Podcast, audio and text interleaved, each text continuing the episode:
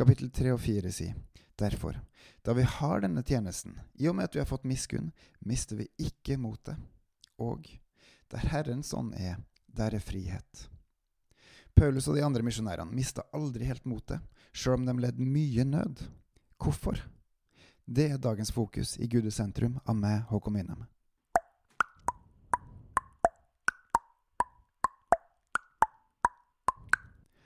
Paulus og de andre fikk lide mye mens de spredte Guds ord om Jesus, frelse, evig liv og glede.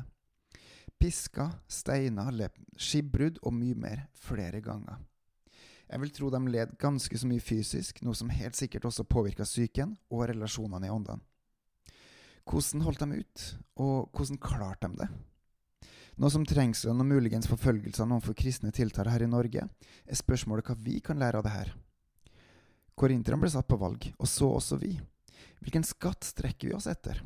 Kapittel fire kan hjelpe oss med det her. Først presenterer Paulus fremgangsmåten deres, altså hvordan de gikk fram overfor korinterne. Ikke noe glansfullt og storslått, altså, men ved å dele sannheten, sannhetens evangelium, og det ikke for å opphøye seg sjøl, men for å opphøye Gud og vise korinterne veien til Han. Ekte og ærlig, rett og slett, og i kjærlighet, som vi snart skal få se. For fra vers 7 ser vi et litt annet fokus, for her forklarer Paulus hvorfor og hvordan. Men vi har denne skatt i leirkar, for at den rike kraft skal være av Gud og ikke fra oss sjøl. Her forteller han om en skatt i leirkar. Det er ikke typisk ha skatter i leirkar, og også så er de trolig lett å ødelegge. Guds ord, sannheten, er skatten, og leirkar er Paulus. Deretter utdyper han hvor utrolig svak og dødelig han er, og samtidig sterk. Trengt, rådvill forfulgt, men ikke stengt rådløs eller utslått overgitt til døden, og nettopp derfor levende igjen, gjennom Jesus. Jeg har ikke tall på hvor mange ganger Paulus måtte lide for evangeliet, men han reiser seg opp gang etter gang etter gang etter gang, unntatt den siste. Hvordan klarte han det? For mennesker er det umulig, men for Gud er alt mulig. Og nettopp det her er poenget til Paulus. Gjennom Guds kraft i Jesus, Den hellige ånd, blir han gjort levende, gjort sterk til å reise opp igjen og fortsette å spre evangeliet. Død, men levende i Kristus.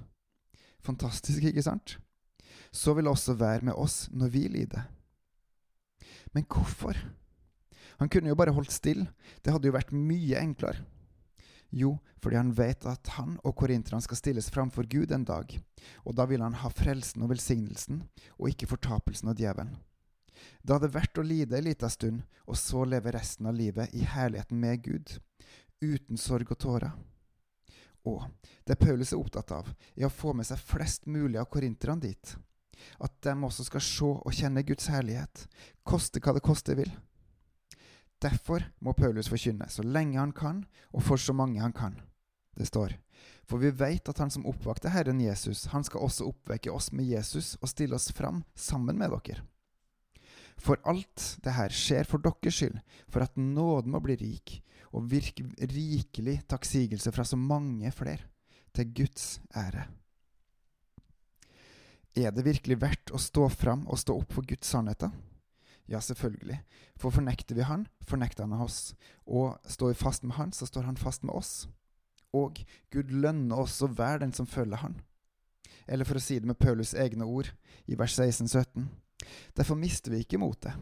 Og sjøl om vårt ytre menneske går til grunne, så fornyes vårt indre dag for dag. For vår trengsel er kortvarig og lett, og virker for oss en evig fylde av herlighet i overmål på overmål. Forfølgelse og trengsler må komme, men vi har et håp som er større, og vi har en far som tar seg av alle sine. Derfor, som det står i vers 18, vi har ikke det synlige for øyet, men det usynlige. For det synlige varer ei kort stund, men det usynlige er evig. Fortsett å vokse med Gud. Bebels og del evangeliet frimodig videre. På gjenhør.